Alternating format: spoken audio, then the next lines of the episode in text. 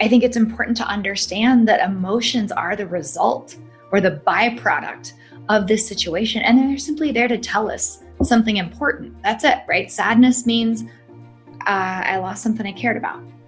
And fear means something bad is going to happen. And guilt means I did something wrong. And anger means someone else did something I don't like. So we have all of these emotions that are just giving us messages about the situation. But the, the problem is, emotions can be very overwhelming and very difficult to deal with. And that opens the door for all kinds of really not so helpful coping efforts. You're listening to episode 191 of the Building Psychological Strength podcast, where we uncover the information, tools, and techniques to turn our mind into our most valuable asset.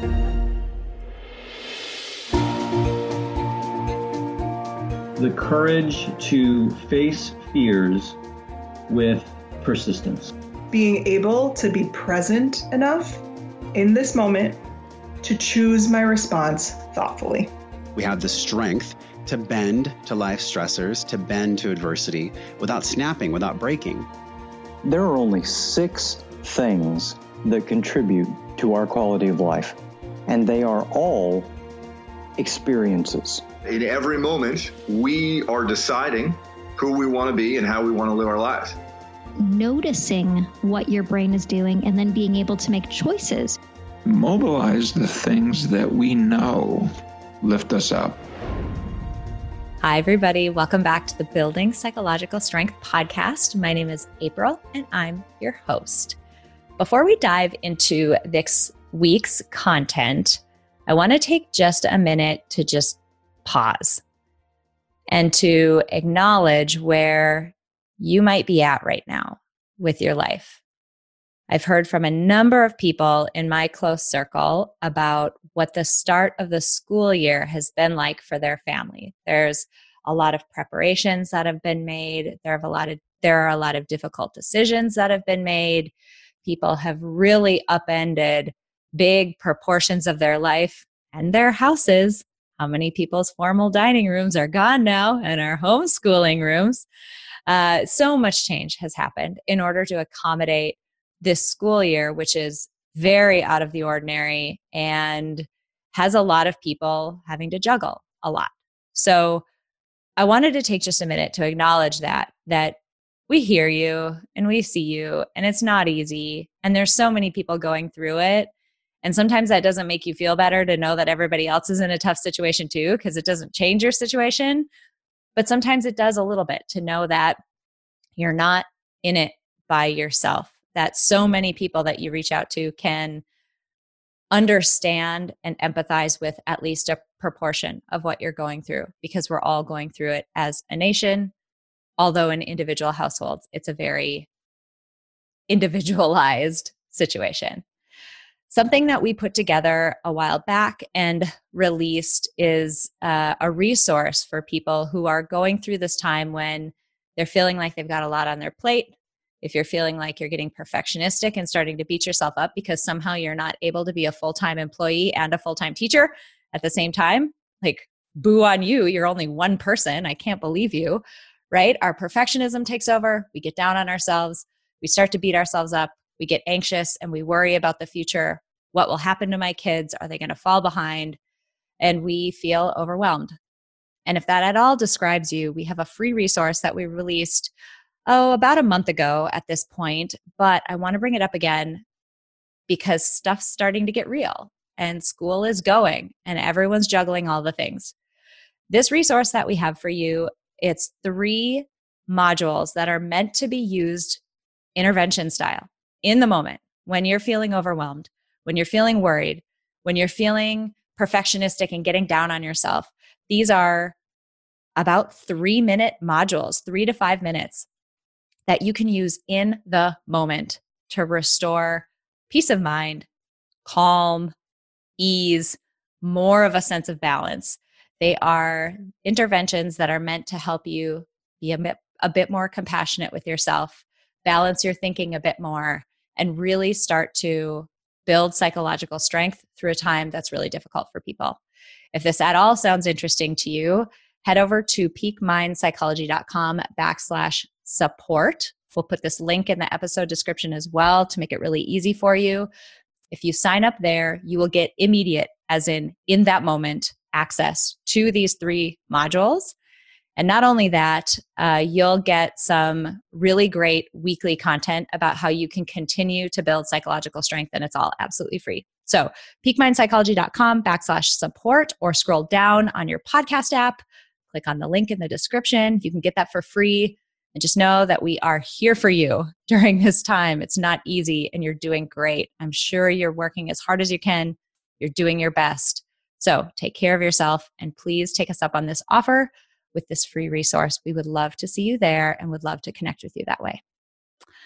Okay, this week is also very related. The topic of this week's podcast episode is very, very related to the situation that a lot of people are in with the school year, but beyond that, you know, psych strength, it's all lovely and flowery and roses and puppies and wonderful jaunts through nature when life is going really well. And things are easy. You know, like it's easy to say that you're thriving when life is going well, but when adversity happens, when things get difficult, when they get overwhelming, when you face the loss of someone or the loss of something in your life that was really important to you and you have to cope, that's when psychological strength becomes a true asset. And when all the work that you've done outside of that situation becomes very valuable. So today we want to talk about coping from the standpoint of this dichotomy. And we'll get into what I mean by that, but two types of coping. We want to go into them so that you can understand and be a little bit more thoughtful about how you might be handling difficult situations in your own life. I'm excited that Ashley is back on the podcast. Hello, excited you're here. Hi, happy to be here and, and excited to talk about coping. It's probably one of the words that I say more often than almost any other in my uh, psychology practice because it's all about coping is just how you handle things. And sometimes people have really healthy and effective and adaptive coping skills, and sometimes people have really poor ones. And I'm excited today, not just to to talk about healthy versus unhealthy coping, but to talk about it in a much more, I think, robust way. Because we're going to talk about emotion focused coping and problem focused coping. And my guess is those are concepts that you may not have encountered before. But you'll know them as we get into them and start to talk about what it really means and what it looks like. And then hopefully we'll give you some new insights and, and tips so that you can cope in both domains in really effective ways. Mm-hmm. Now, as we dive into this, I want people listening to this to think about a time when you felt like you had to cope and don't feel like you need to go to the worst depths of the worst thing that's ever happened to you. Just bring up a challenge that you've encountered recently, something that has been difficult that you've had to move through, something where you've struggled a bit and hit some friction. Get that in your mind right now as you think about and listen to the rest of this episode because I think it'll really help clarify, as Ashley said, what we mean by emotion focused and problem focused coping. And will just make things all the more concrete for you as you think through how you might apply this in your own life. So let's dive in with emotion focused coping.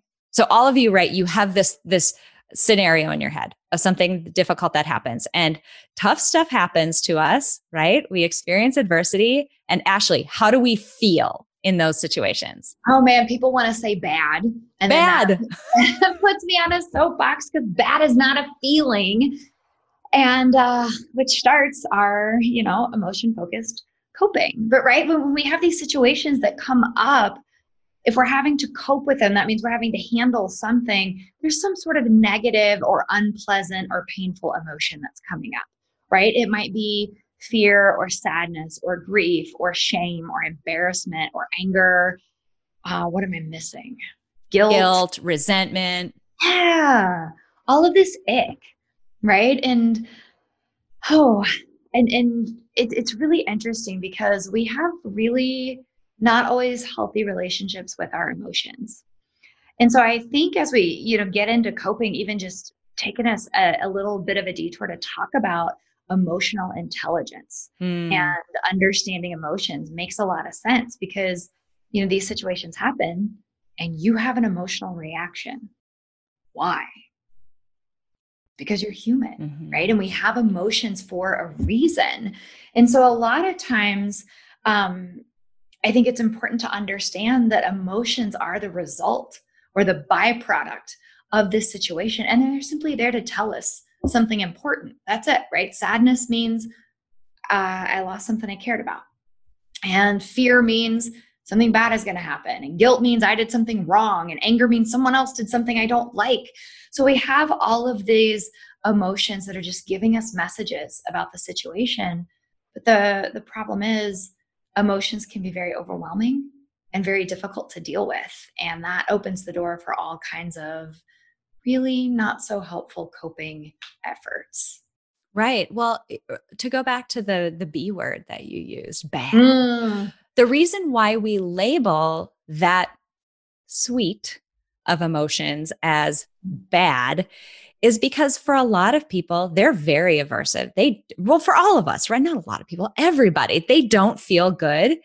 And for the vast, vast, vast upper 90% of people, we don't want to feel that way.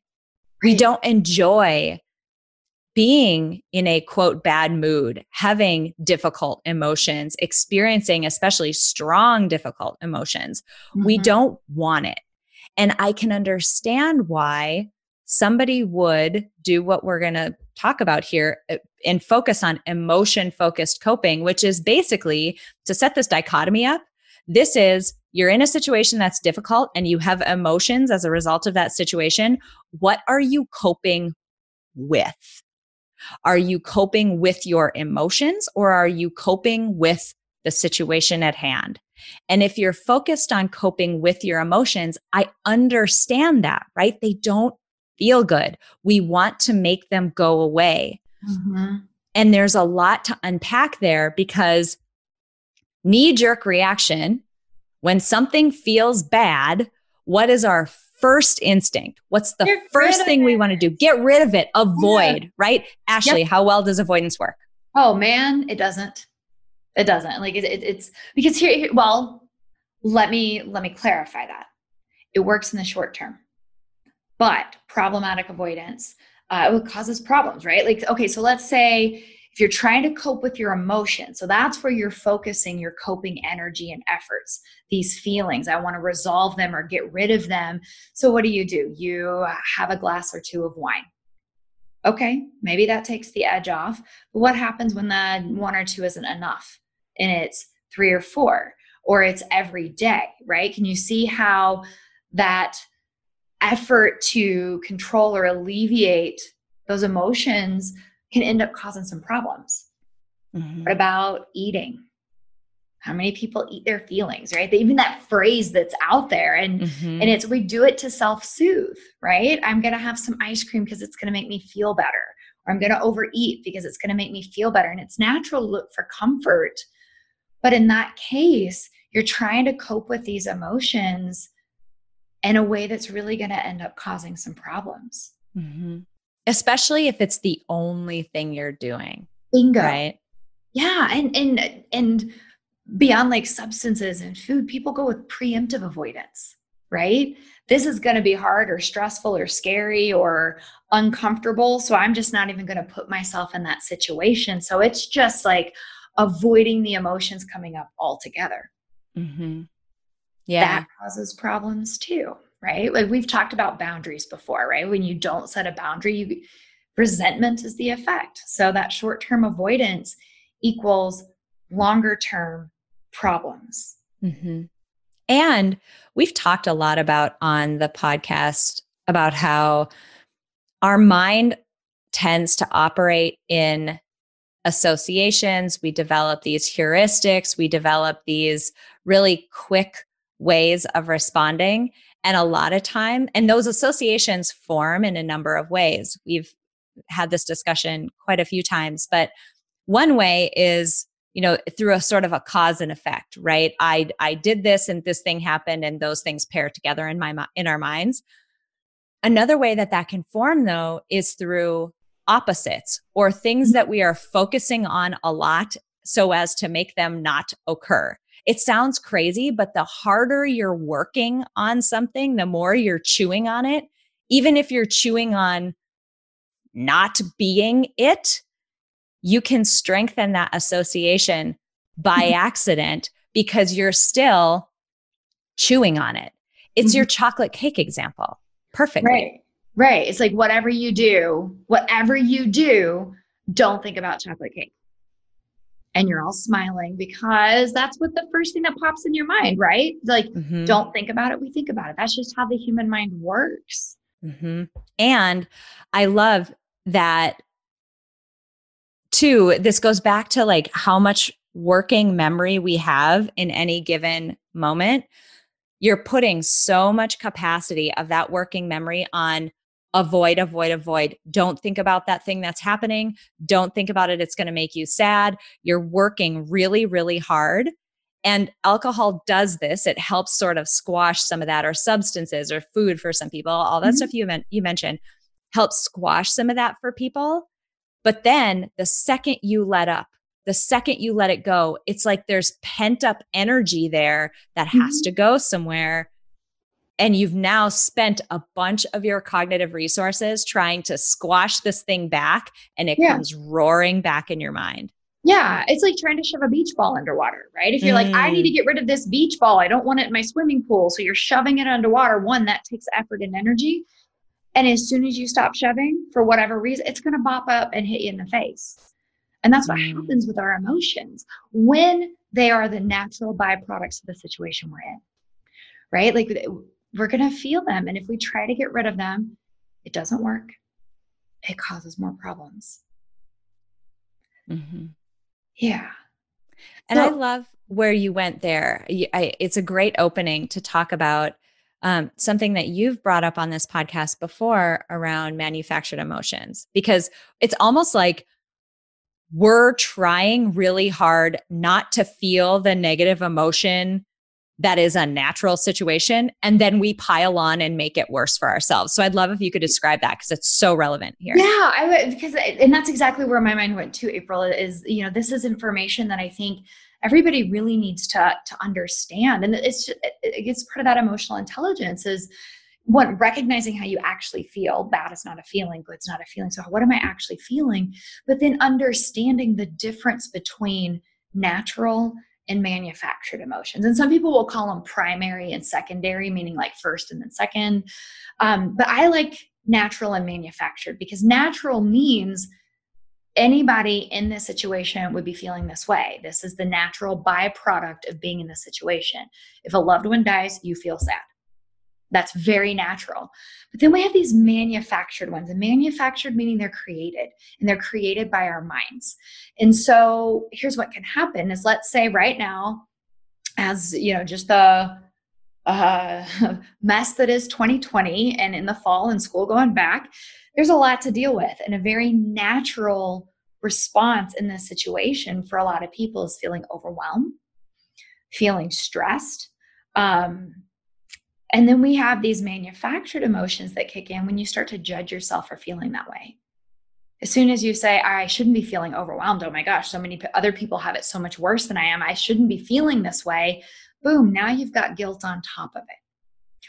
Or when something happens and you add all of the extra to it, right? Like I love the phrase, and I've probably said it here before like, just because life gives you a cactus doesn't mean you have to sit on it. So right now Mm. you've got a cactus, but then if your mind is adding all of this extra, oh my gosh, this is horrible. I can't handle it. There's just no way. I'm going to let everybody down. So you're adding all this extra commentary that creates or manufactures emotions as well. And the reason why I think it's important to know is because when we're not clear about this and we just lump it all in together and we try to treat it the same way or cope with it in the same way, that's where problems happen. Natural emotions, you have to feel. There's no way to shortcut it, right? Like you got to feel it. And if you're trying to shortcut and get around it, that's all of those avoidance tactics we were just talking about. Mhm. It doesn't work. That beach ball will bop you in the face. Manufactured emotions, though, if we don't kind of recognize, oh, wait a minute, this is extra coming from my mind and that committee in our minds, which we've talked about um, a couple episodes ago, if you don't recognize that, then we end up wallowing in it. And so we need to get really clear because emotions are muddy. It's really muddy.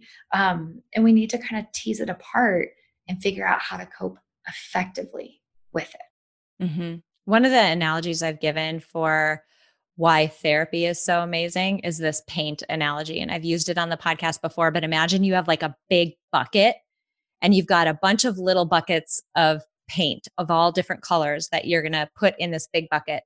So you take the little bucket of red and you dump it in the bucket, and the bucket's red and it looks pure and it's really easy to understand what color is in there. You're like, well, okay, that's red. And then you dump the blue paint in and you're like, ooh, it's getting murky now. And then you chuck some yellow in there and some green in there and some black in there and some purple in there. And pretty soon you've got like this muddy gray color. Our emotions can feel like that. What mm-hmm. we're teaching you right now and what therapy will teach you in situations where, you know, that's the appropriate place for you to go is how to get the red paint out again. Mm-hmm. How to get the blue paint out again, how to get the yellow paint out again, so that you can look at it for what it is. This is not murky yuck together. No, my sadness and my, I'm going to use my, you know, dad passing away. My sadness and my grief red paint. Right. That is its own situation that there is no way to fast track that and make that feel better. The guilt that I'm feeling because I wasn't a perfect daughter and didn't, you know, do everything perfectly for him or whatever, that's added stuff, but mm-hmm. it's its own color of paint. And mm-hmm. the anger that I feel at him for not taking his own health seriously and you know making decisions and whatever that's its own color and deserves its own focus and coping strategy mm-hmm. so I use this example and I'm glad Ashley that you went into this because it's it's God, all of this stuff is so related. It's hard not to do every episode we've ever done and rehash them every time we're back on the podcast. But look up the stuff where we talk about fact versus fiction. Right. It is eh, say a very similar situation where you're trying to tease apart what's what are the facts here? Meaning what are the times where any normal person would feel exactly the same way as I do? And what's the added stuff? That is a skill that you can develop. That is right. a skill that's part of psych strength. That is a skill you should be practicing even when times are good because man when they're bad and they're tough and they're adverse and they're gritty and they're awful yeah. You'll thank yourself for it. Yeah. So, oh, keep going. Yeah, no, and I was just going to say, with I, I love that, and just to kind of put a bow on it, it's it's because healthy coping for red paint and yellow paint looks a little different. Mm-hmm. And and I think that it's kind of a nice way to to segue into like problem focused coping, if you're good with that. Yeah, um, let's do it. Is you know we want we want to like when we look at okay, what are you coping with? Are you trying to cope with your feelings and you're trying to suppress something that, no, no, no, no, it needs to be here? Or are you focused on the problem? And are you trying to cope with this problem and this uh, finding a solution to, mm-hmm. to resolve it or change it in some way? And there are times when that makes a lot of sense. And there are times when people approach that in not the most helpful ways either. Mm-hmm. And I guess the thing that comes to mind when it comes to coping with the the problem is looking at is it something that can be changed? Mm-hmm. Is it something that I have control over or not? And I think getting really clear about that can help. But making either a plan, finding a solution, but these are the things I'm going to do, or the answer is acceptance, acknowledging mm-hmm. I can't change this.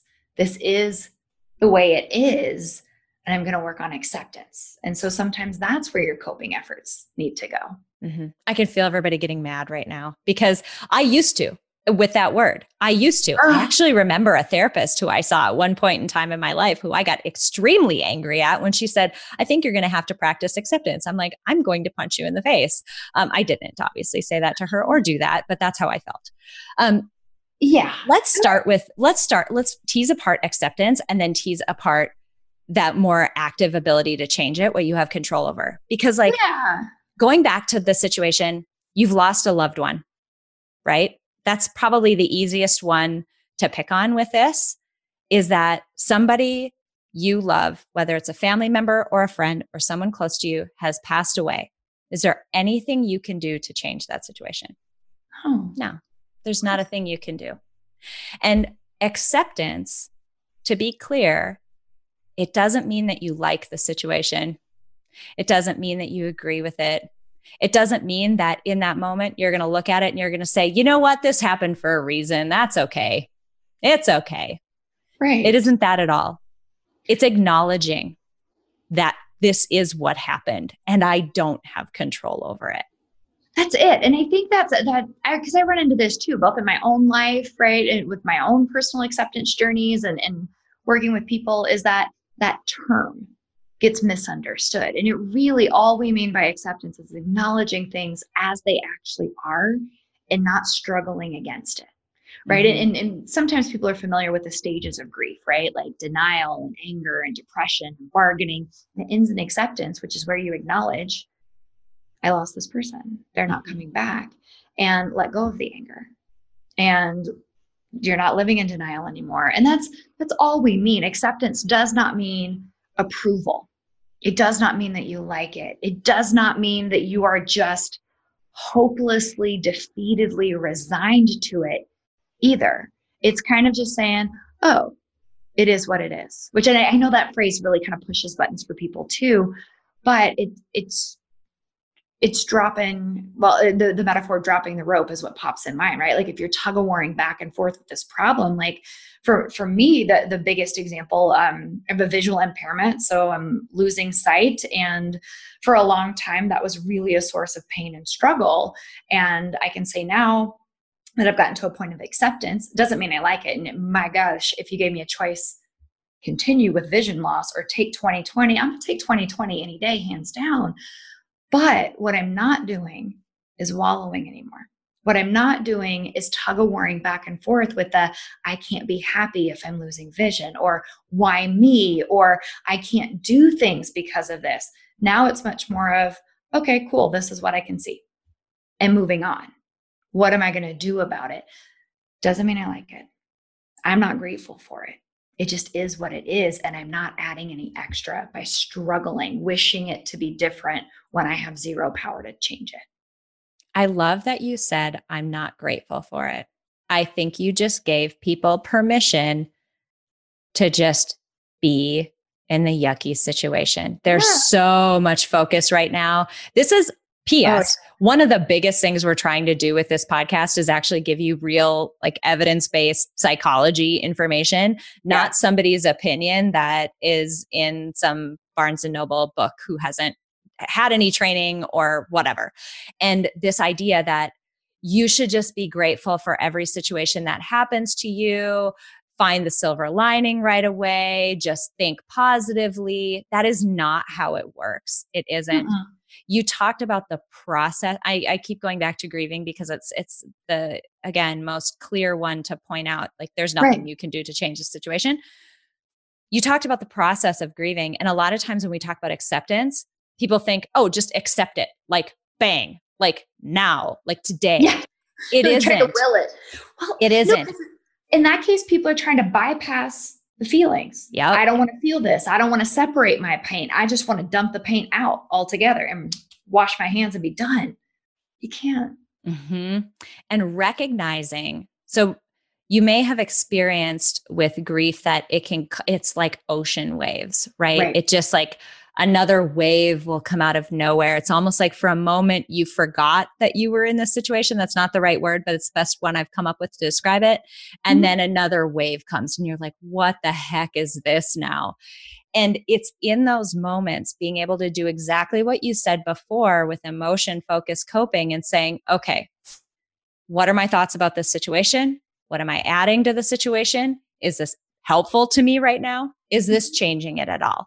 I've had a lot of thoughts. My dad passed away when I was a very young child, and I am now an adult now. I think we can all say that 30 years goes by nearly for me, and you're kind of a different person after mm-hmm. 30 years of life that goes yeah. by. I've wondered in the past, I have different views, values, political thoughts, religious thoughts, the list goes on. than what I think my dad might have had. Would we get along now? And whoa, and the wave comes, and I'm like, hang on. And where it's gotten to, and I I just want to articulate this out because I want to give you like a like a here's a real life time when this has happened. I've had to think about, well, does it change the situation? If he wouldn't have, are you somehow different now or is the situation somehow different now? No, it's not. And do you know that he wouldn't have? And 30 years passed, do you know that he wouldn't have changed similarly? Right. Like all of these unknowns. And the point is, they are unknown and have nothing to do with the situation at hand, but that process of chewing through and working through and sitting with the ick mm-hmm. is what problem focused coping is when you're working to a point of acceptance. Mm-hmm. It's chewing through the yuck and getting to a point where you're more at peace and can see the situation for what it is without clouding it with other things. Absolutely. And that's different than like an active problem solving approach. Yes, let's saying, go there. Here's a, yeah. Here's a problem and I'm going to change it and being able to i mean have the skills to effectively problem solve come up with a, a creative solutions implement them figure it out and sometimes that's what you got to do right you have to say here's a problem I'll solve it. And then I have vanilla ice that immediately pops in. Oh man, mine did too. Talk about a cognitive association. Right. Sorry. All and right, I, could. I could collaborate. And I know. I'll stop now. I'll stop. I now. can just feel it coming too. um, but where, where I see people get really kind of stuck in this problem focused is they're not really doing either. They're in this like icky limbo land. It's a situation that they don't like, and they are either not willing or able to change it and they're not willing or able to accept it. And I really see it as, you know, we we use the the term choice point often, and um, at least in, in our conversations and understanding, and in any given situation, there there's a choice point where you can choose to go down one path or another. And this is just one illustration of that, right? Like I can choose to problem solve and change, or I can choose to accept. But I see so many people just like give up and sit down and get stuck in the mud right there. Um, mm. Um, like uh, bodies often come to mind, right? If you're unhappy with your body, okay, is it something you can change? You could eat differently, you could exercise differently. Um, would that change something? Or work on body love, body acceptance, and and kind of embrace it. I guess it's not necessarily an either or because you could do both. Um, but I see so many people just stuck in this limbo land of this is unacceptable to me. I'm unwilling to embrace it and not doing anything about it. Mm-hmm. And that creates a lot of ick. Mm-hmm. I think about too some of the stuff that we repeatedly hear when we do life design related work. Mm-hmm. This choice point PS is something that is part of the corporate workshops that we do. Um, we do sort of a half day mini life design crash course mm-hmm. um, or psych strength slash life design crash course. Anyway, this choice point is a part of it. And when you think about being unhappy in your job, you can do something about it, but that will likely mean setting a boundary, having a difficult conversation, asking for more money, quitting your job, doing things that are difficult, or you can stay there. But either one of them, and this goes back to, this brings us right back to emotions, Right. Quitting your job, having the conversation, setting the boundary, asking for more money, telling the person no, saying yes to the thing that's bigger than you think you can handle. I, I could keep going. Mm-hmm. They will all come with the baggage of mm-hmm. difficult to handle emotions that we just have to be okay with sitting with or get better at sitting with. Mm-hmm. And that, in and of itself, the ability to sit with difficult emotions, I feel angry. I feel guilty. I feel jealous. I'm nervous about this. Mm-hmm. Think about difficult conversations, right? Can you ever get to the point where you feel completely comfortable going up to your boss and telling them that they said something that was really hurtful to you? That's never going to feel totally comfortable. Always going to have to go through some icky feelings to mm-hmm. get there. And that decision about how you're going to handle it is the active coping with the problem that comes along with, you know, to we as we said at the beginning of this episode, what are you primarily focused on coping with? The emotions are going to come along for the ride while you're coping with the situation at hand. Whether that's changing or accepting, you're going to have emotions with it. It's just natural. Yeah. Well, and then, and that's where we get to accept emotions too, right? I feel anxious, period. Mm-hmm. And I'm mm-hmm. going to allow it to be there. I'm going to let that beach ball float on the surface of the water while I do whatever it is that's important to me. Mm-hmm. Yeah. It's good stuff. And it, it makes me think too, we, we do, if you're interested in learning more and diving deep into this, we have our Ascend program as well goes into this in a lot more detail and a lot mm-hmm. more um, concrete, hands on dealing with emotions and this choice point, but in a, it's a more robust, kind of fleshed out kind of oh, yeah. Mm-hmm. Yeah, for sure. Yeah. As we end this episode, I want to talk about a couple of just actionable things. So yeah. we've already hit on one acceptance and to give it its more common name, mindfulness being able to be more of an observer about the thoughts and the feelings and the bodily sensations, the urges you're having in any given situation, but particularly when times are really difficult and mm-hmm. you are having to cope with some emotions that are hard in situations that are not frictionless or right yeah frictionless. That's the word. Yeah. Um, i was like wait did i just say the opposite of what i meant to say? But being able to be more of a mindful observer without judging adding that is such a huge part when you this. when you take that mindfulness approach you're taking out the judgment you're not adding that manufactured emotional component. Correct. Right? Like um and and then you can extend on mindfulness with self-compassion Mm-hmm. right? It builds. You you you got to have the mindfulness piece in order to practice the self-compassion but that's so huge too. And that's uh it, it allows you to handle difficult or painful or unwanted emotions in a different way than beating yourself up or criticizing yourself or numbing out. And we think that it's such an important skill that that's why that's one of those freebies in that support uh, resource that mm-hmm. April was talking about at the beginning of this episode. So definitely check that out. And self compassion, when we talk about it here, we're not talking about um, sort of an undirected, diffused way of saying nice things to yourself.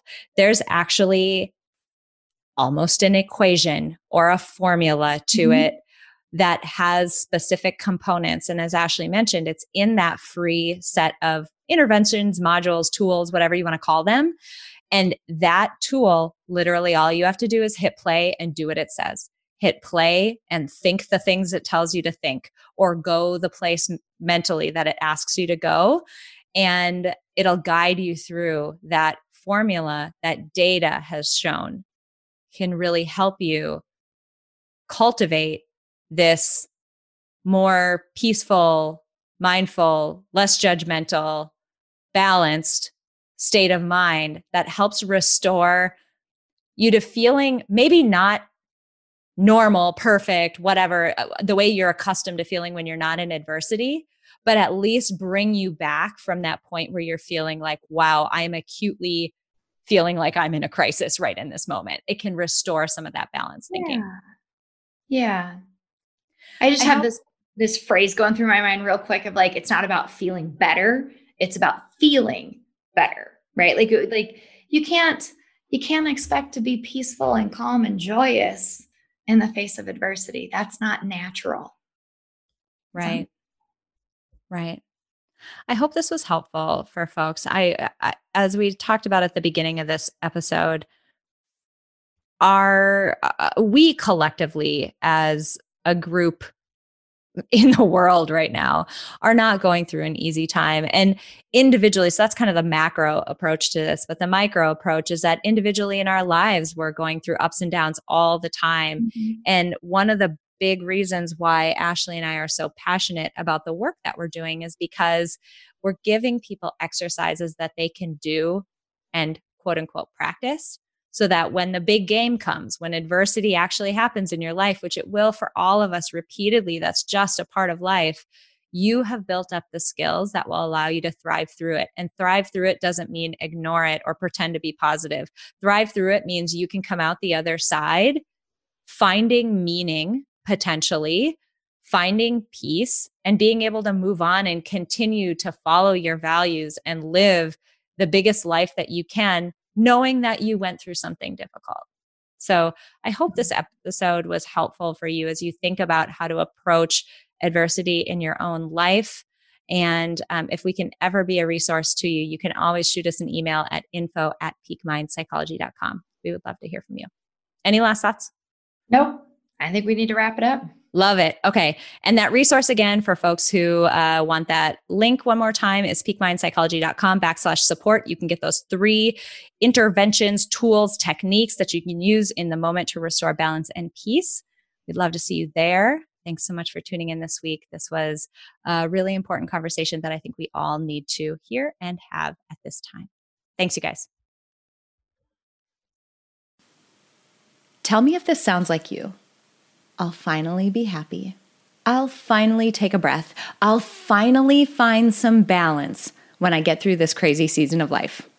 We hear that from so many people, and the fact is, many times, life is just a crazy season. All of it.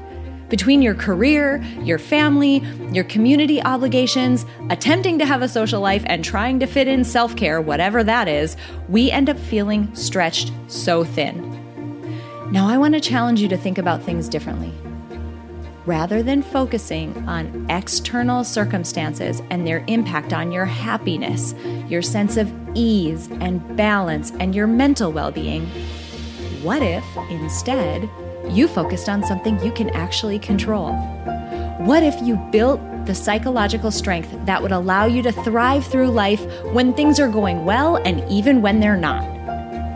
What if you could feel less scattered, more in control, less anxious, more peaceful and joyful? We want that for you too. That's why we are so beyond excited to announce the beta release of our signature psych strength building program, Ascend. This program combines evidence based tools, techniques, and information from the fields of psychology and life design to focus on three important modules you, your mind, and your life. Learn your unique combination of strengths, values, and identity, and the ways in which they interact and lead you to approach life in your unique way. Dig into your mind to understand the conscious and subconscious processes that act as a lens through which you experience life. And finally, harness the power of life design to begin to steer your life into alignment with who you uniquely are. Enrollment in this beta round of Ascend is open now, and because it's our beta round, the price is astonishingly low. So if you have ever had even a suspicion that you could benefit from building psychological strength through a guided, science backed experience, now is the time. Visit www.peakmindpsychology.com backslash ascend for more information and to join us. Friends, it is time to build psychological strength. It's time to live by design and not by default. It is time to live like your life depends on it because it does. Join us in Ascend by visiting www.peakmindpsychology.com backslash ascend. That's www.peakmindpsychology.com backslash ascend. It's a simple fact that nearly everyone in the world could benefit from building psychological strength. But not everyone will put in the time and effort to do so, but today you did. Thank you so much for listening to this episode of Building Psychological Strength. Now, if you're interested in building the mental toughness, confidence, and resilience you need to thrive through life's ups and downs, visit us at www.peakmindpsychology.com. Also, if there's someone in your life who could benefit from this episode, please share it with them. And if you yourself found this episode valuable, meaning if you took away even one insight that you can use to build psychological strength in your own life, we would so appreciate it if you would drop us a rating and a review on iTunes. The thing is, the more ratings and reviews we have, the easier it is to get this powerful and important content out to the people who need to hear it. Remember, your mind can be your most valuable asset or your biggest liability, and you get to choose. So choose wisely, my friend. And I'll see you next time on Building Psychological Strength.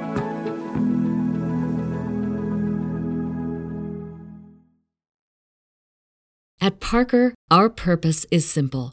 We want to make the world a better place by working more efficiently, by using more sustainable practices, by developing better technologies. We keep moving forward. With each new idea, innovation, and partnership, we're one step closer to fulfilling our purpose every single day. To find out more, visit parker.com/purpose. Parker, engineering your success. As humans, we're naturally driven by the search for better. But when it comes to hiring, the best way to search for a candidate isn't to search at all. Don't search, match with Indeed. When I was looking to hire someone, it was so slow and overwhelming. I wish I had used Indeed. If you need to hire, you need Indeed. Indeed is your matching and hiring platform with over 350 million global monthly visitors, according to Indeed data, and a matching engine that helps you find quality candidates fast. Ditch the busy work. Use Indeed for scheduling, screening, and messaging so you can connect with candidates faster. And Indeed doesn't just help you hire faster. 93% of employers agree Indeed delivers the highest quality matches compared to other job sites, according to a recent Indeed survey. And listeners of this show will get a $75 sponsored job credit to get your jobs more visibility at Indeed.com slash podcast. That's Indeed.com slash podcast. Terms and conditions apply.